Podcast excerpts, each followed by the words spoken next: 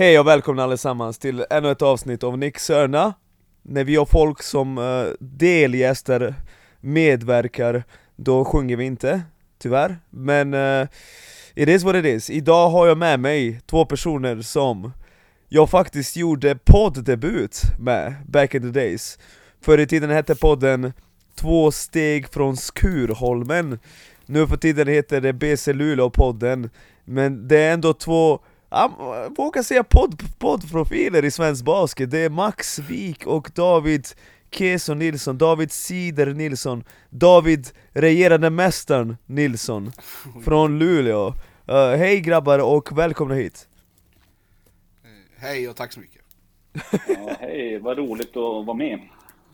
Alltså, jag, jag känner så här. jag har ändå gästat er podd jävligt många gånger uh, Så det känns mer än rätt att ni kommer hit och, och, och snackar på Nick Sörna liksom för att uh, jag, jag är skyldig er en tjänst. Vi har haft några legendariska avsnitt ändå, både på Skurholmen och även BC Luleå, tycker jag i alla fall. Eller vad säger ni? Kommer ni ihåg någon klassiker? Ska du börja svara på den David? Ja, jag vet inte, på raka armar är det svårt. Jag vill bara säga, det, det känns ju lite som att cirkeln sluts, det håller jag med om. Eh, men det, det, är också, jag tar också åt mig att vi var först liksom att, att sända ut det i etern. Det, det var vi som kände igen talangen. Och tänk liksom vars du är nu Nick. Nu är du liksom expert i SVT, du är, jag vet inte, fan mer poddprofil än någon annan i hela Sverige typ. Förutom Filip och Fredrik kanske. Så att, fan, du har att tacka för typ allt. Stämmer. Det är något stämmer. gammalt ordspråk som heter att alla vägar leder till Luleå eller en nivå. Alltså, när jag tänker på våra avsnitt, jag kommer ihåg när vi skulle drafta bästa femmor och Var det du Keso som hade Alexa Solovic och typ fyra andra icke-skyttar i din femma? Men det, det laget, jag sa fast vid det, det hade vunnit ligan Fast, fast verkligen noll skytte, men om, om jag minns rätt så var det ganska atletiskt. Och Om jag minns rätt så hade du även Taiwan Myers i det laget. Så det var ju mycket explosivitet och så, men det är ja, ingen skytte, ingen skytte direkt. Det, det luktar sjunde plats i ligan. Ja fast vadå, om man, om man gör två poäng varje anfall, då gör man ju, då, det är fan bra det. Ja, ja det var härliga tider, härliga tider.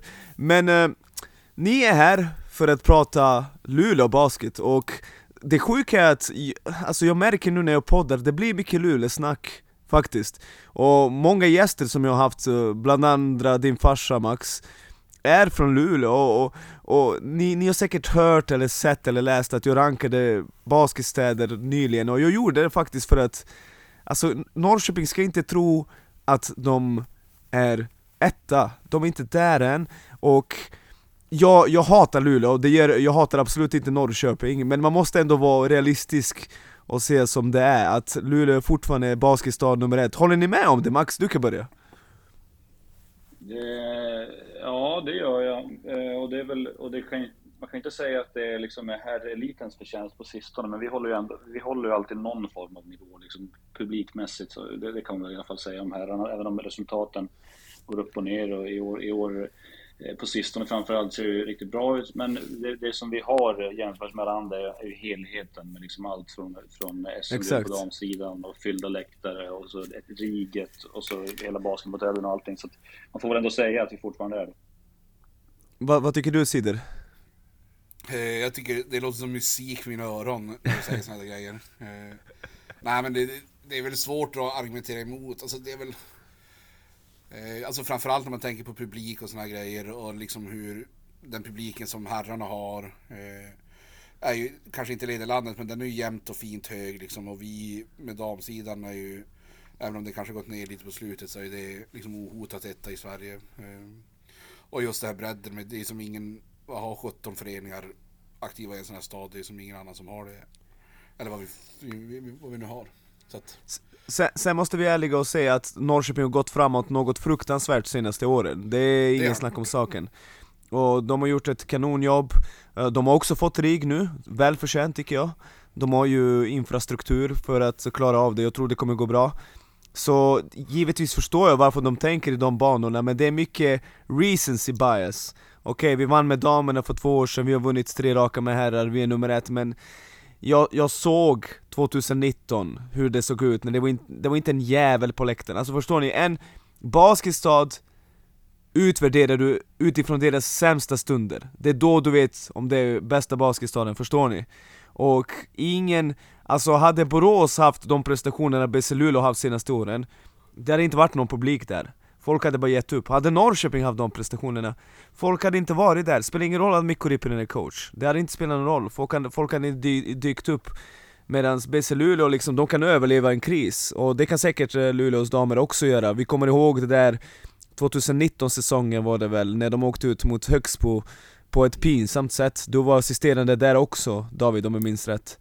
Uh, ja, så, så det var liksom i många klubbar hade ett sånt ras lett till något negativt, har jag en känsla. Men det gör det inte i, i en stabil organisation och en stabil basketstad. Uh, men, men låt oss prata då om klubbarna, Max du nämnde lite uh, Luleå har vunnit 7 av 8 och efter många år känns det som att uh, man, man bygger något långsiktigt och något spännande och jag måste säga att uh, jag måste säga att uh, jag gillar det jag sett de senaste omgångarna faktiskt uh, Framförallt defensivt har man gjort ett kliv framåt. Vad, va, vad tycker du om eh, hela projektet? Ja, inför säsongen så kändes det ju jäkligt spännande allting på en gång. Det, alltså, all heder till Peter Öker som har varit i nio säsonger här och gjort ett bra jobb. Eh, men, men eh, det kändes nytt och fräscht. Vi fick liksom en tydlig, det kändes som en tydlig idé med vad man ville satsa på. Man ville ha de här svenskarna. Eh, många av de här grabbarna som vi har tagit är också kompisar utanför planen sedan länge. Liksom. Jag tänker på Jonte Arvidsson och Danne Hansson, Gustav Hansson, Denzel George, Atle Mellqvist. Det gänget, de känner varandra ganska bra sedan tidigare, även om inte alla de har spelat ihop. Så att eh, den början där och försöka liksom ha en idé om att det är svenskarna som ska ha de mest avgörande rollerna och ta beslut på planen tyckte man ju kändes kul. Eh, det blev och så i kombination med en coachstab som eh, Håkan Larsson med Jimmy Enbom då, och till en början Bryce Massamba, sedermera Jakob Sandén eh, alltså spe, folk som har funnits i, i föreningen en längre, en längre tid och, och har sett liksom sett eh, både toppar och dalar men, men minns hur det var på det glada 90-talet så att säga och var med då också. Så att det är, Eh, jag är den första att vara extremt negativ och pessimistisk men eh, just nu så mår man ganska bra ändå.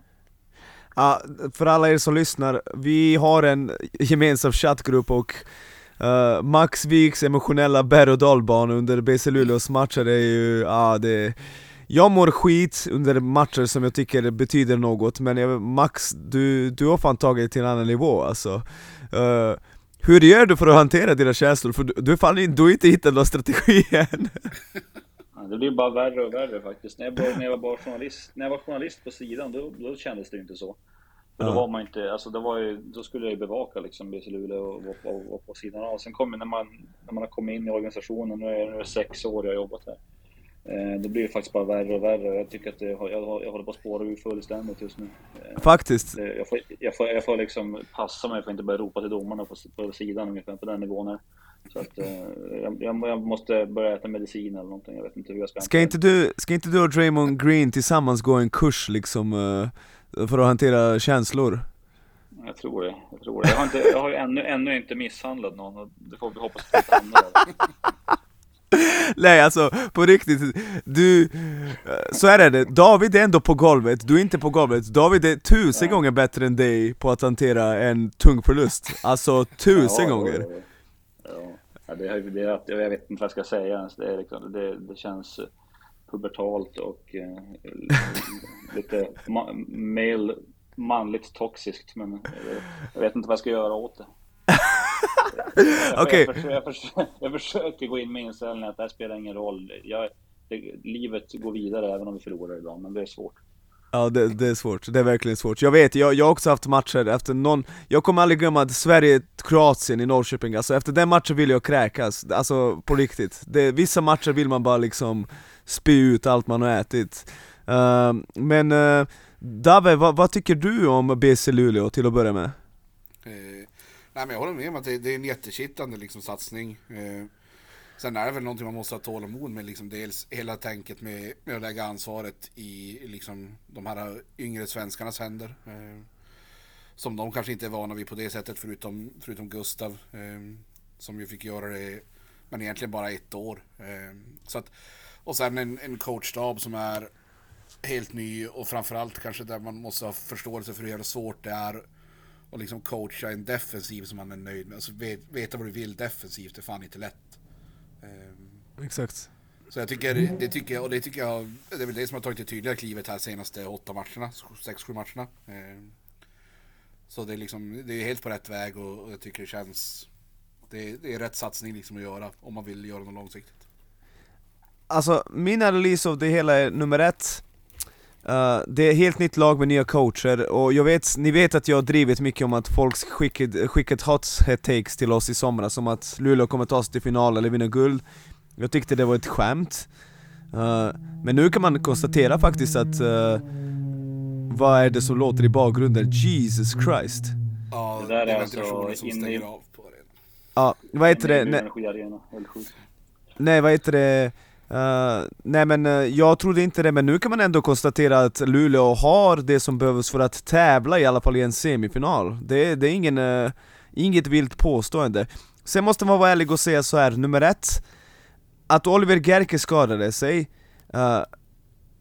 ledde till slut att Ed Polite kom, och Polite är mycket mer redo att bidra här och nu. Med Gerk hade det varit säkert bättre på lång sikt, det är otroligt synd att han skadade sig. Uh, han är givet, han bidrar jättemycket med sitt skytte och så vidare, det vet vi. Men Polite är mer veteranaktig och även fast han är ur shape något, som in i, något så in i helvete uh, så, så är han smart, alltså det är här man märker att han, han, han är fan smart och, och vet hur han ska lira liksom vinnande basket, så, så det är en förändring Num förändring nummer två som jag lagt märke till att jag vet inte om det är något nytt, men det där aggressiva försvaret med liksom över hela banan Jag vet inte, man kanske ville göra det i början av säsongen men det gjorde man inte. Uh, Och nu har det lett till något bra, och det är så man ska spela med ett ungt lag som har Denzel George Och har Danny Hansson och har Musius, atletiska grabbar liksom. uh, Eh, så det har ju klaffat också. Och sen sist men inte minst, jag tycker att Gustav Hansson och Jonte Arvidsson har lärt sig spela med varandra. Jag tycker, det var ju några matcher i början året där båda hade 20 plus Men det var ju väldigt tomma kalorier, det var inte vinnande basket, tyckte inte jag. Eh, jag tycker att de är mycket bättre nu på att hitta, alltså läsa av när man ska attackera och hur man ska attackera och när det är dags att ge den andra personen bollen. Håller du med Max? Absolut, absolut. Jag, jag tror att eh, faktiskt, om, om man går tillbaka och tittar lite på våra matcher så kan man se ganska tydligt när, när vi fick wake-up call och började spela bättre försvar. Det var efter att vi mötte Norrköping hemma. Eh, efter den matchen så, där vi, där vi liksom, vi var inte riktigt med alls. Alltså vi spelade kanske jämnt andra halvlek eller någonting, men då hade de redan tagit ledningen ganska stort tidigt. Eh, jag tror att de fick lite wake-up call med vad som krävs defensivt och hur vi måste, hur vi måste spela försvar på våra träningar hela tiden. Eh, liksom hur, hur hårt och fysiskt det måste vara. Eh, på varje träning för att vi ska kunna göra det på match också. Eh, och det, så att, och sen, sen dess har, de, har, de, har det varit bra tycker jag defensivt. Såklart det kommer missa här och där, men vi har i alla fall haft ambitionen. Vi har varit där uppe, satt press hela tiden, eh, Eh, dubblat och försökt eh, göra livet surt för motståndarna. Så att, eh, och sen Jonte och Gustav, jag tyckte man såg, man ska inte dra för stora liksom växlar av en försäsong. Men jag tyckte man såg lite glimtar av det under försäsongen. Och så, ja, men de här kommer nog kunna liksom hitta det. Sen har ju de aldrig spelat ihop heller förut, även om de känner varandra. Så att det är klart det tar lite tid. Två spelare som liksom vill ha boll och vill skapa och, och så vidare. Så att, eh, men nu börjar de hitta någonting, absolut. Ja, på tal om Polite, alltså Polite spelar riktigt bra i Luleå och Setley Day har varit ett fan årets värvning, alltså helvete vad bra han har varit i Jämtland Hur fan kunde Södertälje vara sådär dåliga förra året? What the fuck? Alltså på riktigt, du har ju dem, du har Lassar, du har Palmblad Du hade till och med stundtals Gaddefors Och så hade du Josh Sharkey och Volker Kelser Just det, så var det Alltså, förstår ni vilka douchebags några i det laget var? För alla pratade ju om vilken dålig stämning det var. Alltså de måste ha varit historiska douchebags för att prestera så dåligt som de gjorde med, med den talangen i laget. Jag fattar faktiskt ingenting, det måste, jag, jag vet inte, man ska inte hänga ut någon kring vem, vem som har varit douchebag och inte? För Tittar på truppen bara så känns det som att det finns många, många liksom personer i det laget som har gjort sig kända för att vara trevliga grabbar liksom. Exakt exakt. Och liksom allt av döma av eh, Ed Polite när han är här, han funkar ju klockrent i våran grupp. Lite mer lågmäld kille men liksom verkar gå jättebra in med de övriga. Så att, det är väldigt förvånande faktiskt. Alltså historisk eh, underprestation med tanke på materialet på något vis. Ja men faktiskt, alltså nu från det här perspektivet, för jag hade ingen aning att Settler Day kunde göra det han gör i Jämtland, alltså han är brutal. Jag tycker att han är ligans bästa försvarare, eh, och jag tycker att han, han typ han är typ kreativ forward nu helt plötsligt, han var en ren garbage player förra året Bara fånga bollen i något drive och lägga i och sen gå på returer typ Men nu, nu gör han, ah, jättekonstigt, jättekonstigt Det är eh, Det är faktiskt så, nästan helt ofattbart att de kunde torska mot frysen Fattar det? Ah? Ja, det, det är lagligt ja, Hur kunde de göra det? Nej men alltså, går du tillbaka och kollar på, på Seth Days karriär liksom så här, inte fan vet jag vad han har gjort. Han har varit liksom och spelat lite i Luxemburg va? Kroatien och Luxemburg. Luxemburg liksom, de flesta som spelar där som liksom är ja, men amerikaner som ändå håller, okej okay i ligan. Det behöver inte vara några superstjärnor för det. De, de snittar ju brutala siffror i Luxemburg. Typ Brian Jefferson som var i Umeå i fjol, han snittade typ 28 poäng och sköt 60% på treor i Luxemburg. Eh, och ja. Nu var ju inte han så jättelänge där, men ändå. Alltså han, har inte något skrämmande CV om du går, om du går bakåt i tiden. Nej. Kolla på vad, vad Settler Day har gjort. Så att, de, såg väl någonting där när han var i Södertälje och, och har lyckats få ut det från honom. För att, ja. Han spelar väl lite mer trea ute på golvet nu. Ja verkligen, verkligen. Ja men om, om, om vi tänker på Luleå Basket, de re, regerande mästarna. Uh, det var lite turbulent, känns det så här lite utifrån. Man har ju tappat kanske bästa importuppställningen i svenska ligans historia. Uh, nu man fattade det inte under vårens finalserie, men nu när man har fått tid att reflektera så kan det vara det bästa laget i ligans historia, Luleå. David Keso Nilsson, håller du med om det? Eh, ja, alltså jag, jag, kan hålla med om att det kanske har växt ännu mer liksom nu när man liksom tittar tillbaka på det, för man tog det lite för givet förra året. Exakt, eh, exakt. Alltså framförallt djupet i det. Eh, hur vi liksom, ja men första bytena från bänken är liksom så här Fanny Wadling, Alice Nyström, Marin Craker, alltså det Ja det är faktiskt sjukt, det är sjukt, eh, det är sjukt. Så det är, för mig känns det som att det är så på gamla liksom planjelagsnivåer typ. Eh, och Så det, det, det, det, kan jag hålla med om, jag kan sticka ut hakan och säga att det kanske är det bästa laget i, i svensk historia. Det hade varit sjukt kul att spela i Europa med det där gänget. Exakt. jätteroligt Ja men ser man på Brooke McCarty Williams statistik eh, i Turkiet, hon dominerar ju, kanske inte det bästa laget men hon, dominerar, hon håller ju på den nivån, Bria Goss tror jag klarar sig på vilken nivå som helst. Marion Cracker kan Ja, Marion Cracker är en spelare som Alltså du kan inte skissa upp en bättre spelare och komma in från bänken med hennes energi och basket-IQ och skott och allt det där.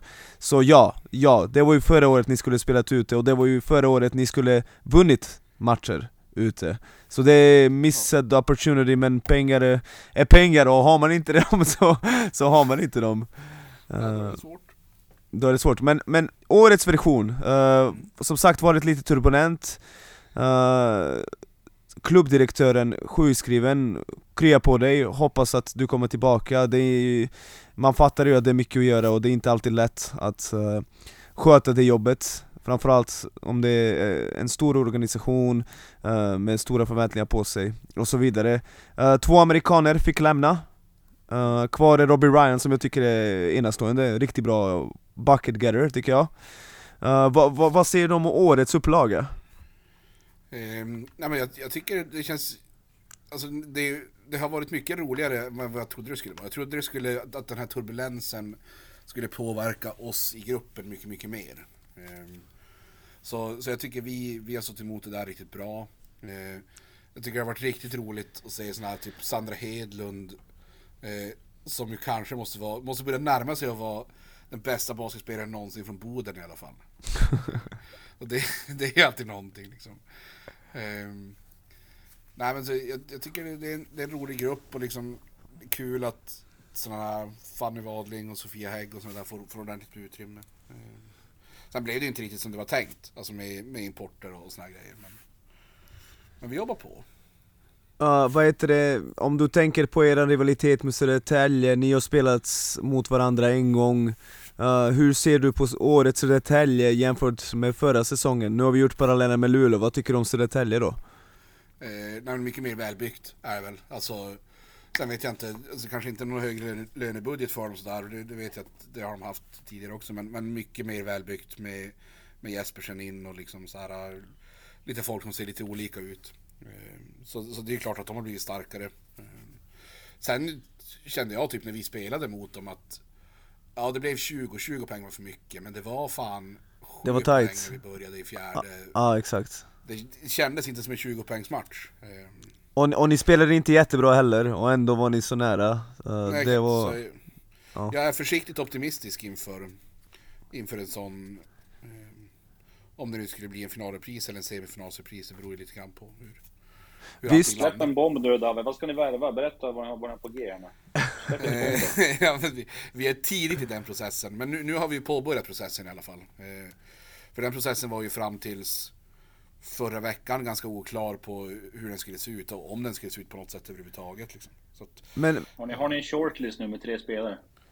Eh, nej, vi är inte framme vid någon shortlist än. Eh, tyvärr. Jag har inget sånt som Asko ger.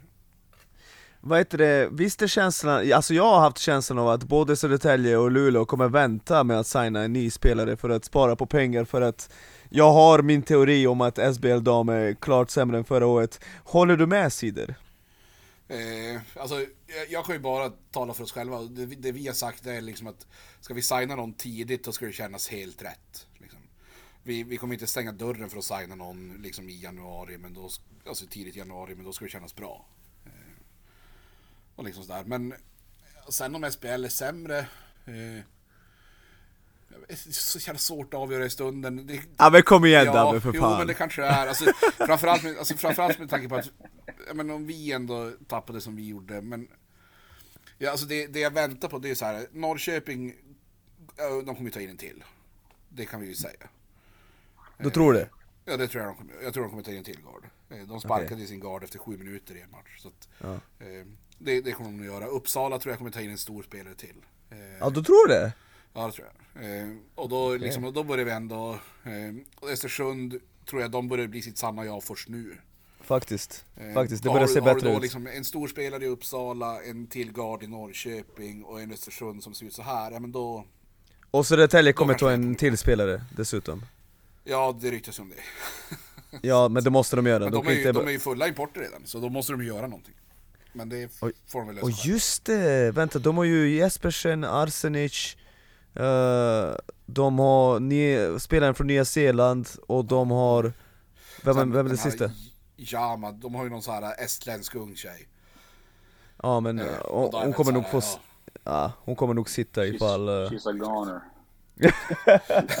Nej det var taskigt sagt. Men kanske att hon inte får byta om uh, ifall det, det kommer en ny import. Men eh, nej, så är det. David, jag håller med dig. Om alla lag värvar en till spelare och lyckas med värvningen, då pratar vi om något helt annat, såklart. Men, Men så som det ser ut... Nu att då är det sämre. Det är vi. Ja, det, ja det, det, är inget snack, och jag tycker Nu pratar du topplag, jag tycker det är bottenlagen som har blivit sämre. Alltså det är det nästan som är uh, uh, skummast där, för uh, Exempelvis Sjuhärad och Mark, de är, alltså det, det är ingen skulle förneka, de har inte lika mycket talang i år. Och, och, ja. Jag tycker varje år det känns som att de där lagen borde bli bättre. Alltså det känns som att när de börjar värva amerikaner så fan det här ser helt okej okay ut och så Men sen blir det alltid pannkaka. Nej, nej, Mark har haft någon riktigt bra säsong nu på slutet faktiskt. Och, ja. och tänk, uh, jag, jag tycker att EOS har också haft någon bra säsong. Uh, jag tycker att de till slut blev ändå ganska tuffa förra året med sina två importer. Uh, Sen, uh, ja Visby har varit dåliga konsekvent, Sjuhärad, alltså Sjuhärads första säsong i SBL De hade tre importer, till och med fyra till slut De hade Rojana Wade, de hade uh, Cannon, de hade Brooklyn någonting, kommer du ihåg? Ungarden, ja, och så tog de in en point guard. Plus Emma Ström liksom och Golob och de hade ju bra lag, det är bara att de inte spelade bra liksom. Så ah, jag vet inte, men, men, men uh, Max Wik Du vet att jag också sagt att, jag vill inte prata om det här för mycket för att ligan är inte lika mycket sämre på herrnivån som på damnivån. Men jag tycker att även här ligan uh, trots att Kalmar och Frysen försvunnit, det har blivit jämnare, det, det måste man säga. Men jag tycker att det är flera lag som jämfört med förra året är sämre. Egentligen bara de som har blivit bättre är uh, ni och Södertälje. Vad, vad tycker du om den teorin? Det, så kan det nog vara, men det är ändå ganska marginellt får man säga. Alltså, om man tänker så här, den här upplagan av Jämtland med, med, eh, med fullt lag eh, och så möter de fjolårets Jämtland med fullt lag, jag vet inte fan. Det är ganska då, jämnt ändå, tror jag. Men så är det, så är det. Jag håller med dig. Jag, jag tycker att jag börjar se i detta Jämtland, Jämtland något spännande. Faktiskt, jag, jag trodde inte det för typ en månad sedan, men nu när jag sett lite och såg matchen mot Norrköping och, och Holder vet vi är fantastiskt bra. Uh, så jag tror att jag håller med dig, problemet är att de har aldrig ersatt Daniel Johansson. Det är det.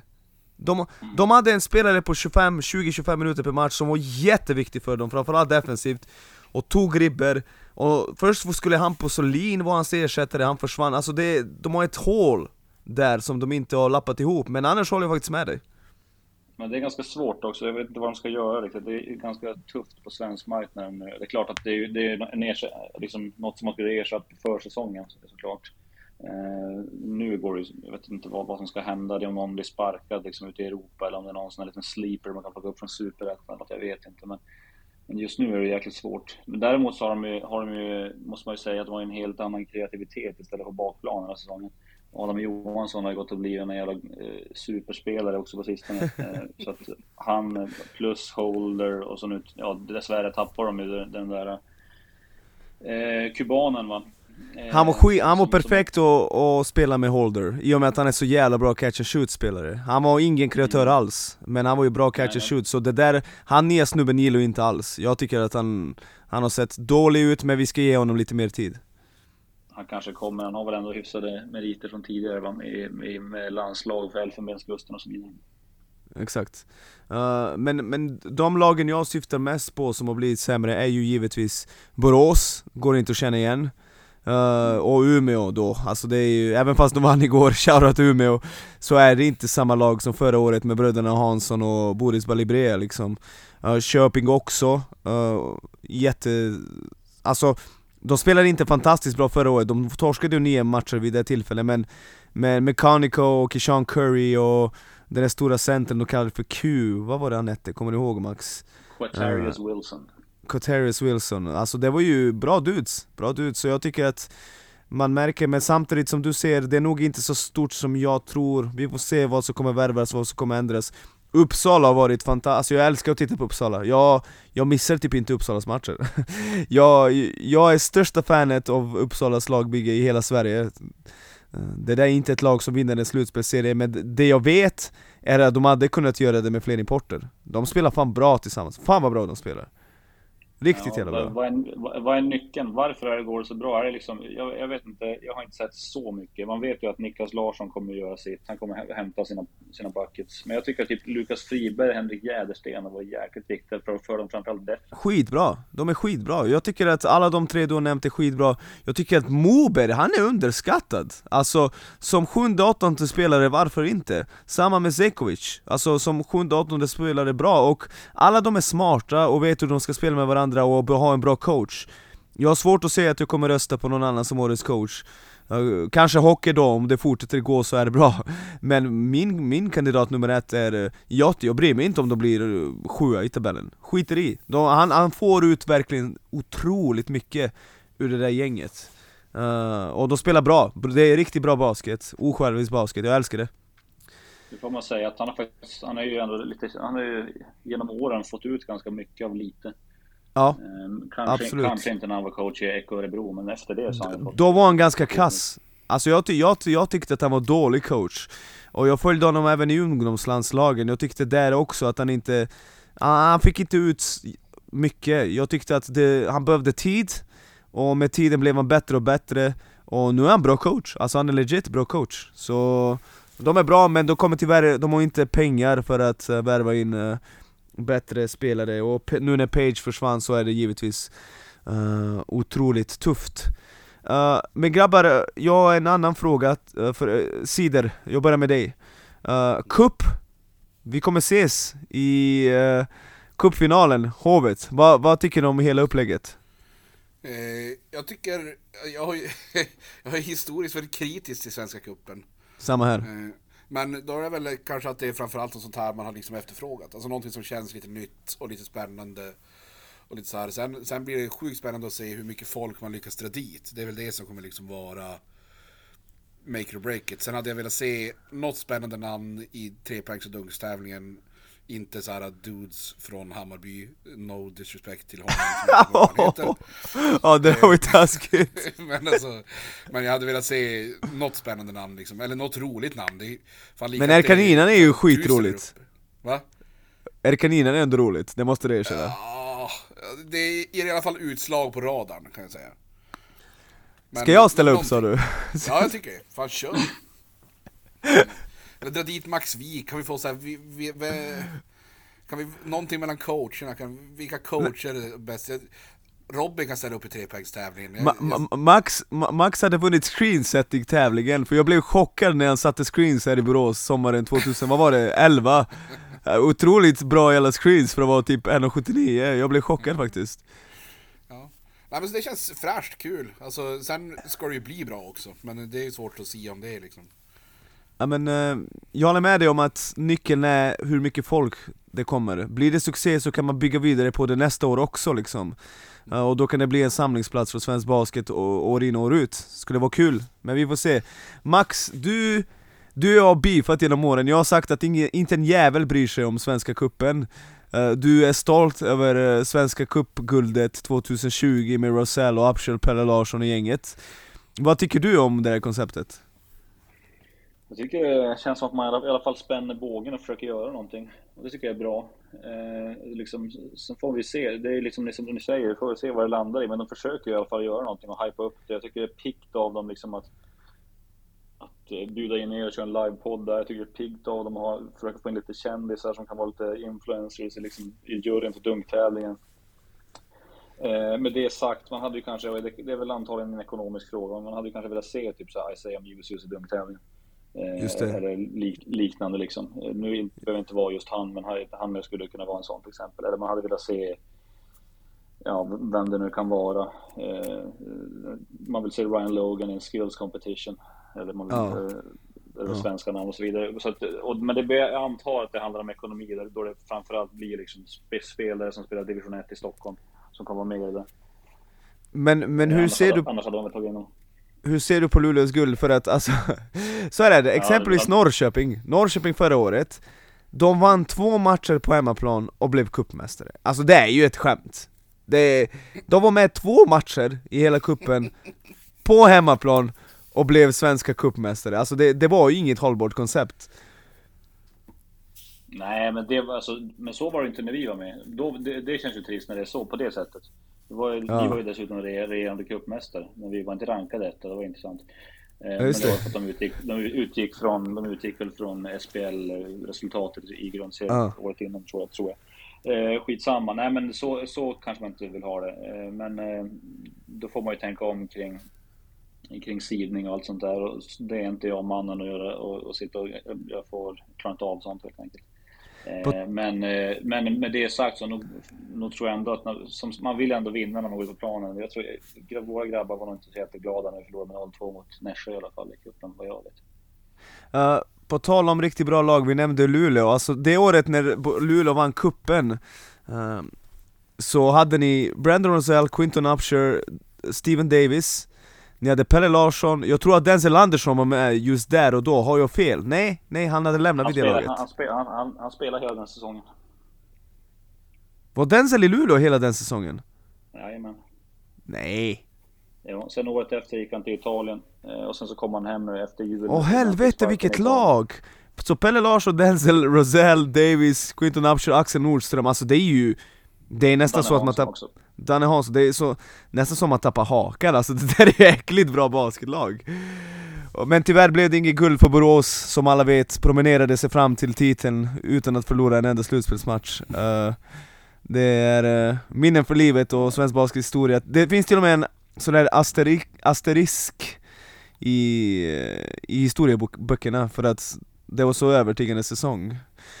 Kommer du ihåg det Max? Ja, det var, Det, var otroligt faktiskt. Det var, de säger väl någonting om, om liksom players come and go but banners hang forever.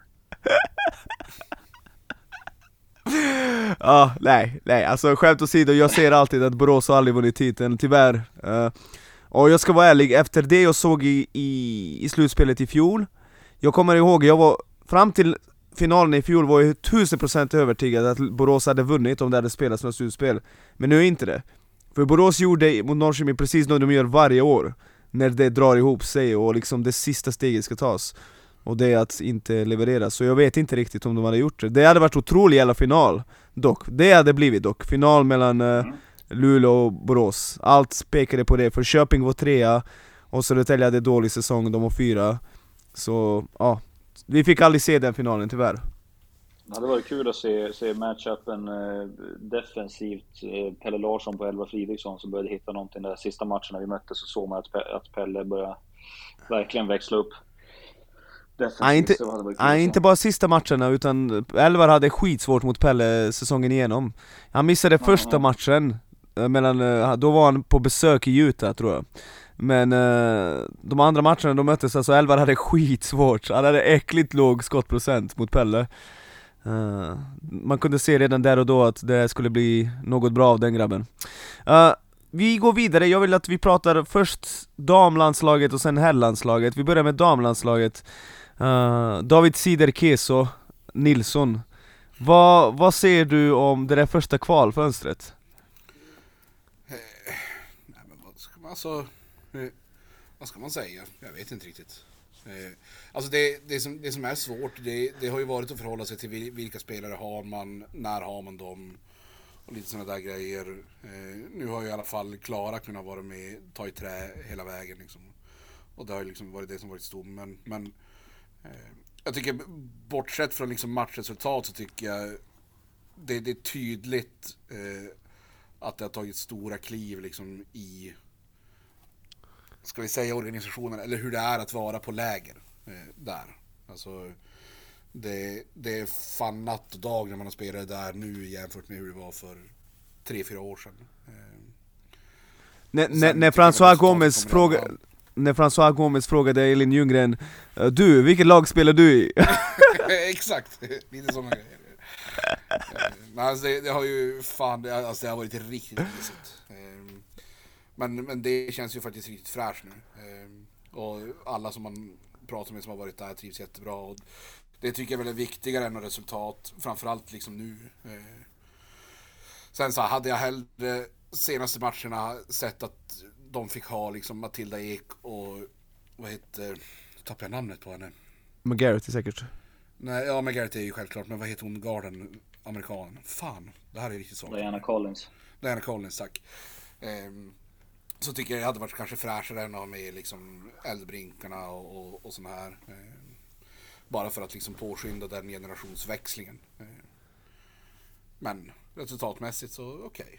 Så du hade hellre sett Diana Collins än Frida Eldebring, för Diana hade inte kunnat bidra i de matcherna alltså, hon, hade, hon, är, hon är ju, du vet, du vet att hon är ren scorer och på okay. så sätt hade hon inte kunnat spela med Klara alls liksom Så här, jag hade hellre sett Matilda Ek än Frida Eldebring Ja men det, sen, det, sen det hade han nog Men, ja. men alltså såhär Så det är klart, hade jag fått välja då Efter att man inte fick ta över Matilda från skolan och så hade valet varit Diana Collins eller Frida, men då hade jag valt Frida. Det, ja. jag inte ändå. Men jag tycker just att det hade varit kul att, att få påskynda, för det är ja, en generationsväxling på gång. Och det hade varit kul att se hur den ser ut liksom, på, på ett bra sätt. Är du, är du en av de här personerna som tycker att jag, jag är en person som tycker att vi ska lyfta fram att man vann två matcher och man absolut inte får ta det för givet. Men det finns de som säger också att laget inte spelade jättebra, och det stämmer ju.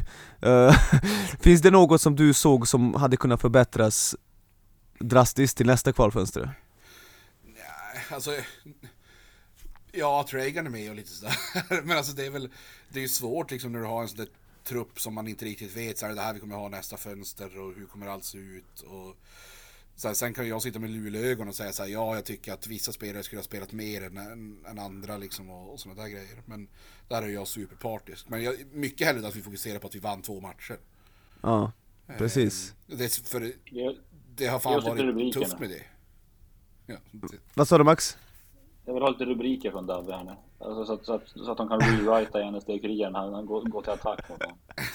Det var, det var länge, det var Ja, länge sedan. hur fan kunde Fanny Wadling inte spela 10 fler minuter på match? Men sköt hon inte 0 av 6 då på har- 3 match 2 och sen 1 av 4 match 1? Det var ju något sånt, eller var det, eller har Ja, jag ja. fel?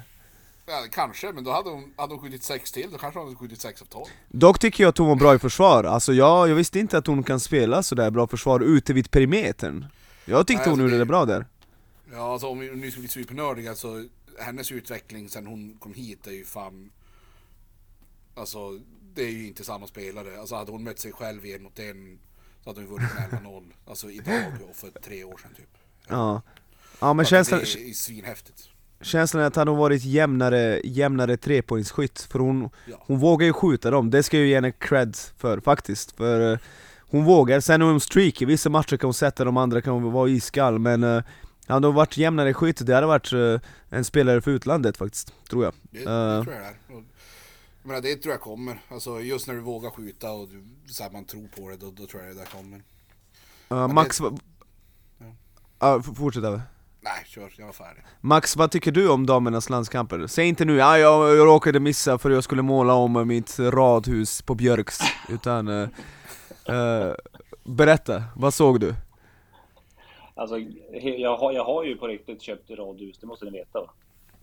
Det är inget, det är inget skämt. Yes, Jag har, yes. stått och, jag har stått och målat hur mycket som helst. Det veta också. Stämmer faktiskt. Alltså jag, står, jag står... Jag skulle kunna stå nu och måla om jag spelar en podd. Ja. Så mycket har jag målat. Nej, men alltså vad, ska, vad kan man säga? Alltså, jag är väl lite inne på Davids tes ändå. Där, alltså, man man vill ju påskynda den här generationsväxlingen. Inget ont om äldrebrinkarna. Va? De har ju gjort enormt mycket för det här landslaget och eh, de är ju från Norrbotten för guds skull. Eh, och Exakt. födda och uppvuxna i Morjärv.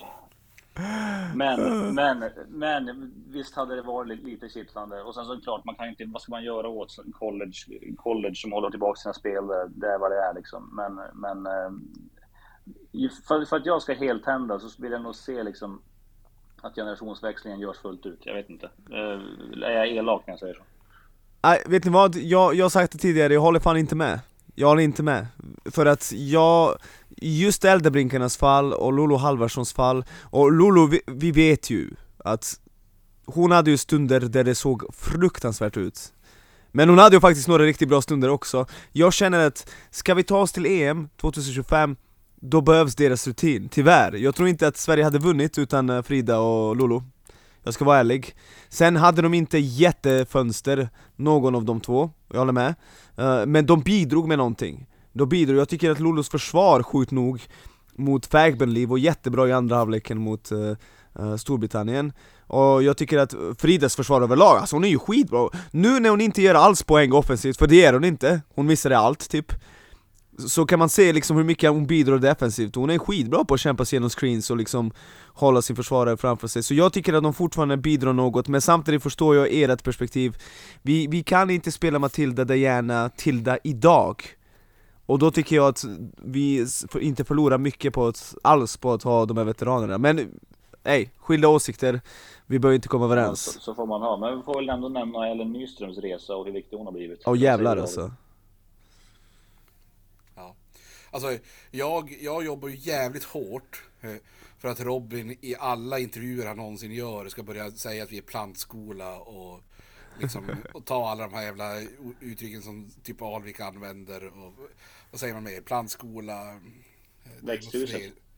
Ja, växthuset. Det är nog fler- Talangfabrik. Talangfabrik. Talangfabrik. Sådana där grejer. Jag vill bara att vi ska börja slänga ut det. Alltså, ehm, nej. nej, men Ellens resa har varit svinhäftig. Svinhäftig. Är det din, är det din förtjänst kan man säga för det mesta? Ja men det, det tar jag åt mig, 100% Alltså det, vad, vad skulle det annars vara? Det är ju inte liksom att liksom hon har lagt ner något arbete och, och jobbat hårt och, och är talangfull Du har, du har, du har ritat upp en riktigt fin liksom, försäsongsplanering. Följer du rätt Exakt. runt och pricka, då kommer du spela juli. Och så blir det. Ja, och så typ liten playbook Alltså det, det, det är liksom motsvarigheten till att ha en jävla vass playbook. Det är att ha en vass jävla träningsplanering. Uh, det, alltså något som har flugit under radarn när det gäller Ellen Nyström är att hon sköt dåliga procent förra året uh, på tre. Typ som fan med tanke på att skottkvaliteten var oftast riktigt bra. Men ändå var hon solklar finals MVP liksom. Uh, Det säger mycket om hur mycket, hur mycket olika saker hon gör på planen. Och sen när hon som mot Danmark sätter sina tre då är hon alltså, En av Sveriges bästa spelare de senaste tio åren. Sjukt, det är helt sjukt att se det. Med tanke på att det är ett lag som har tagit sig till eh, kvartsfinal tre gånger på nio år. Men så som hon spelar i landslaget just nu det var ju samma i Avicii Arena där när de mötte Lettland, hon var så jävla bra. Det, Sverige förlorade för att hon satte på bänken där i början av fjärde om jag minns rätt. Så, ja, det, jag håller med, hennes, otrolig, hennes utveckling är otrolig och sen Alltså ja. Men, mm, alltså det har varit en del av problematiken i damlandslaget, det är väl att för 93-årgången är ju fan vass. Alltså det är många bra spelare därifrån, men de har ju aldrig fått chansen egentligen på riktigt. Nej jag vet inte fan om jag håller med. Var Ellen så är bra för typ tre år sedan när ni mötte Alvik i finalen? Det tycker inte jag. Ja, men jag tycker hon har haft möjlighet att vara det. Men det är det, det, det, de har ju aldrig fått chansen liksom i, i den här miljön. Det är samma Elin Gustafsson. Alltså, jag, jag tycker bara släpp fram sådana här folk. Och det är det vi är inne i nu. Det är att de som behöver vara så här bra om åtta år, de behöver ju fan göra någonting nu. Ja, hon är ju 30. Ellen Nyström känns som en framtida bärande spelare, men hon är ju 30 bast liksom ja, så... Att allting uh, är fem år för sent, sex år för sent. Ja, lite så är det faktiskt. Du, du har nog en poäng där. Vi, vi vänder uh, lite här och pratar om herrar. När det gäller herrlandslaget, jag känner att Sverige har på gång det bästa landslaget någonsin. Och där inkluderar jag även 2013-landslaget med Jonas Repko och Jeffrey Taylor. Det Sverige har nu, om alla skulle komma, är det överlägset bästa Sverige någonsin haft. Uh, om, om, om Simon skulle vara där, Brigander och Ludde Håkansson och Bobby Klintman och Pelle Larsson och Elliot Skadå och Alltså alla de här grabbarna, då pratar vi Denzel uh, Andersson och så vidare. Då pratar vi Sveriges överlägset bästa trupp. Man sålde slut på arenan i Partille på typ en minut uh, Eller fyra dagar. Men hur som helst Den här skadan på Simon Brigander kom verkligen som en ordentlig jävla käftsmäll alltså. Ord ordentlig jävla, typiskt för svensk basket, käftsmäll. Och nu, nu, nu är jag i alla fall lite orolig, det var inte alls, jag var säker. Med det laget man har, med tanke på hur bra de har spelat, man dammar av Bulgarien första matchen. Men nu är Simon inte med och vi vet att Sverige är katastrofalt dåligt i defensiv returtagning. Eller det var man i alla fall med den här nya coachstaben. Max, hur ser du på det kommande EM-kvalet? Ja, alltså, det är ju först och främst måste man ju säga att det är ju mäktigt vad han har gjort, Simon Birgander, i ACB den här säsongen. Eh, har han varit, haft högst effektivitet i hela ACB? Överlägset! Alltså det är ju typ ja. 3-4 effektivitetspoäng till tvåan. Och jag menar, man har, man har alltid sett Simon Birgander, eh, alltså i landslaget också sett att han har ju liksom, jag tycker han har en ganska, han har en jäkligt bra touch för den där sizen alltså. Exakt. Och han är ju, alltså, det är ju en äh, jättetalang liksom, men, men inte jag hade inte gissat på att det skulle gå så här bra i år från OCB som det har gjort, och det, det har varit häftigt att se. Um, så det är klart det kommer vara ett jättestort avbräck, men och jag, kan, jag kan se en startfemma med Jonte Arvidsson, Gustav Hansson, Pelle Larsson, Denzel Andersson, Tobbe Sjöberg. Och har vi de fem på planen, på då, kan, då, då kan, vi, kan vi gå hur långt som helst. Nej, skämt åsido, men alltså, inte är det på något sätt omöjligt eh, trots Simons skada, men det är ju alltså de där stora killarna som, som levererar sådana där siffror i, i ACB, vi har inte varit bortskämda med det genom åren. Svensk, svensk landslagsbasket om vi säger så. Vi har rättare sagt aldrig haft en spelare prestera på den nivån, faktiskt. Alltså han, han var ju legit MVP-kandidat. Nu kommer han inte vinna MVP givetvis, han skadade sig. Men uh, Uh, han har gått ner, ner i vikt lite, fått fler minuter och helvete vad bra han har varit Så vem glider in i startfemman? Vi, hur kommer startfemman se ut? Det är lite oklart, vi vet ju att Denzel, Melvin och Ludde, de är ju stensäkra Sen har vi lite, uh, ja vi får se vem som dyker upp på position 3 Det kan vara allt från Sharapovic till Viktor Gaddefors som man kommer från Taiwan Varför inte David Höök eller Olle Lundqvist som båda gör bra ifrån sig i spanska andra ACB Det finns ju ett annat djup, djup. Johan Löfberg skulle kunna kliva in där Alltså man vet ju inte uh, Men vem spelar på centerpositionen? Är det Adam Ramstedt, eller Nick Spires, eller Mattias Markusson? Ja, jag, jag, tänkte, jag, jag tänkte spontant Adam Ramstedt kanske, men jag, jag vet inte Alltså det, det var min känsla. Men jag, alltså han har ju han har ju historiskt, alltså han, han gör ju rent hus i svenska ligan. Liksom är ju, han, han är en enorm försvarsspelare och han har gjort liksom bra matcher i landslaget också. Men jag har inte sett att han har hittat liksom den där jämnheten över tid i landslaget. Kanske är det dags nu, jag vet inte. Vad tror du? Ja, jag tror att både, alltså i somras OS-kvalet, jag tycker att man hittade något med honom och Spires. De får bara bomba treor. Alltså vi postade inte upp en enda gång, utan de, vi måste spela på det sättet när Simon inte är med, för eh, ger du bollen till Adam Ramstedt eller Nick Spires så ska de spela med ryggen mot korgen, leta djupet på det sättet, det kommer inte hända. Däremot om de klarar av att spela bra försvar så kan de fortfarande vara plusspelare. Uh, Bulgariens styrka är just det där med, de, de stora starka går på returer. Och så har de alltid med sig en import, vi får se vem som spelar, är det han Cody McIntyre från Baskonia då kan det bli tufft, han är nice men är det han typ D Brown, det är ändå en nivå under, vi får se vad Bulgarien har för lag men Jag känner att vi måste ta retur jävlar Det är det. Ju, Alltså, jag sammanställde efter VM-kvalet returuttagningsstatistiken, det var ju fan Jag tror att Sverige tog 80 och motståndarna typ 150 alltså, alltså det är fruktansvärda siffror. Så det är det som oroar mig, och det var ju med Simon i laget, tänk utan honom. Ja, det är bara att boxa ut. Det, det, hade jag varit Mikko Rippinen hade jag haft en lapp, delat upp en liten lapp där det står 'boxa ut' direkt när man samlas. Så börjar man därifrån, för mycket annat gör de på en väldigt hög nivå, eller gjorde det under VM-kvalet och jag tror de kommer göra framöver. Ja, det blir spännande att se hur de löser det där. Det, det blir ju det är onekligen så att eh, någon måste kliva fram. Eh, och, och så är det Vem som gör det återstår att se. Denzel Andersson, jag kommer ihåg när jag bloggade, på den tiden det var populärt att blogga. Shoutout Max Wik som, vad var det, i två hela år rättade då mina blogginlägg innan jag publicerade dem. Uh, det, det är faktiskt otroligt bra gjort, du är, du är en bra jävla person Faktiskt. Uh, Trots dina aggressionsproblem, nej jag skojar. Men uh, Uh, vad heter det? Jag kommer ihåg att jag bloggade om att Denzel Andersson, han måste lära sig posta upp, han måste lära sig posta upp, han måste, annars kommer det inte bli något av honom han har inte postat upp en enda gång sedan dess och ändå spelar i spanska ligan liksom som en non 3 D spelare vad, vad, tycker du om hans karriär? Alltså han är ju fantastisk Alltså han, när han gick till Italien där kände man, så, eh, från oss efter att han hade sin eh, årets forward, han blev väl årets forward då den säsongen tror jag. Det, det var ju 1920 där när, som vi nämnde tidigare med Pelle Larsson. Efter den då tänkte jag så ja men nu får vi nog aldrig se han igen i spel SPL efter det här. Sen så gick det lite knackigt. De såg att de får byta coach och Tjorva där i, i, där han var i Italien. Kom hem kring jul och skulle signa med oss. Då tänkte jag så här, ja, men undrar om det blir en utländsk karriär. Så här, alltså det är tufft där ute. Mm. när det gick så himla tungt för honom i Italien. Men sen dess har han ju bara kört på och det har inte varit något snack liksom. Så att man är jäkligt imponerad från, från det man har sett när, när han liksom på BG här och hade mycket skadeproblem. Det känns som att han knappt Alltså i mitt huvud så spelade han knappt en match på tre år på BG. Riktigt så var det ju inte. Men det var ju typ att han rehabade sina knän i tre år eller, eller hur det var. När han var här. Och den resan han har gjort från det till, till nu är ju sjukt imponerande. Även om man alltid har sett de defensiva kvaliteterna hos honom så har han ju ändå han har ju utvecklat ett skott som man känner sig... Han, han skjuter med självförtroende. Han tvekar inte alls när han skjuter. Liksom. Häftigt att se. Och en en riktig kanonkille dessutom, ska gudarna veta. Ja men uh, ja, ja det, han har ju hittat sin grej. Och spelar du 15-20 minuter per match i världens näst bästa basketliga Då har du gjort något riktigt jävla bra. Uh, Hans försvar har translatat, nu använder jag uh, executa, det är ett populärt ord i svensk basket nu, och vi måste executa bättre. Uh, Hans defens defensiva game har translatat förvånansvärt bra Alltså han låser ner folk, han kan ju spela för försvar precis som i ligan.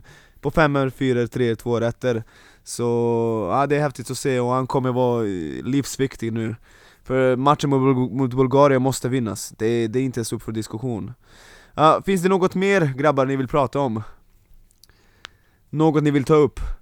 Jag har i spåkulan att Binta Dramme kommer att eh, kliva ut ur retirement och signa med Södertälje inför guldracet är det någonting du har hört eller är det enbart spåkulan? Det är magen. Jag kollade upp det i min mage och där sa det att det var så. Ja, jag kallar tvek på den. Väldigt, väldigt tvek på den. Vad säger du Sider? Hur, hur stor procent sannolikhet är det att det blir av? Ja, 50-50. Antingen händer det eller så händer det inte. Då är det 50. Ja. Det, det, har du, det har du jävligt rätt i.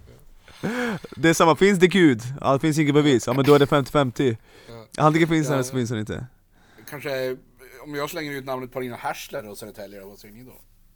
Då säger jag 100% det kommer också hända. Också. Helvete. Ja ah, jävlar vilket lag uh, Sö- Södertälje kommer få ihop här uh, Nej men, det, men det, det är nog närmare sanningen, skämt åsido. Eh, Dramme drog jag, bara, drog jag bara från ingenstans. Men Härsler, där, det, det, det har jag till och med hört snack om. Det kommer hända. är, är hon klubblös? Hon är det va? Hon spelade ju i Israel va? Ja. Okej men då måste jag också droppa en hot take. Jag säger att Viktor Gaddefors drar till Jämtland. Uh. att, Ja, du eh, Dan- Daniel Johansson. Alltså typ något sånt, alltså om, nu, om vi nu kastar hot takes. För jag tror att Taiwans säsongen slutar tidigt, jag har det för mig, jag kanske har fel men jag har för mig att den är väldigt kort. Eh, Så, ja, Sider, det är din tur, har du någon hot take? Vem Eh, signar vad? Ja, ehm, ska vi se här. Eh, Adam Rönnqvist eh, signar med Norrköping Dolphins efter att Felix Terings och Tim Skyberg krockar och får hjärnskakning och blir off for the season. Och vinner SM-guld åt dem. Hallå vad gör Adam Rön- Rönnqvist nu för tiden? Det är ingen som vet. Han var på, match, han var på matchen i fredags. Alltså han hänger i hallen ibland och tittar? Oj, självklart. Han var på matchen i fredags. Han eh, har jobbat lite eh, ute i eh, hamnen här. Och lever li livets goda dagar. Spelar han något division 2 eller 3 eller något sånt? Nej, ingenting, ingenting. Men de, ryck, de är mycket ryckiga från Luleå Steelers i division 1. Så får se ifall han orkar stå emot deras övertalningskampanj. Fan alltså, Adam Rönnqvist, vet ni vad han hade gjort i division 2 eller division 3 med den bössan alltså? Åh, fy! Vi, alltså vi hade, det hade varit en sån där John Sundqvist slash, vad var det, Calvin Jägare match. Båda, båda har haft 60 plus med typ 17 treor i division 3 Vi, vi pratade än, ännu vidrigare stats. Det finns en, det finns en risk för det. det finns en risk. Okej, men grabbar, stort tack för att ni ville komma hit. Uh, Vill ni att vi spelar in någon mer gång framöver, bara höra av er? Jag spelar in en gång i veckan, hörnan uh, Resten av mitt liv dessutom, ni har kanske hört det om ni lyssnat. Resten av mitt liv. Uh, Så stort tack och kom ihåg Borås blev svenska mästare 2020 Ha det bra allesammans, Farväl. farväl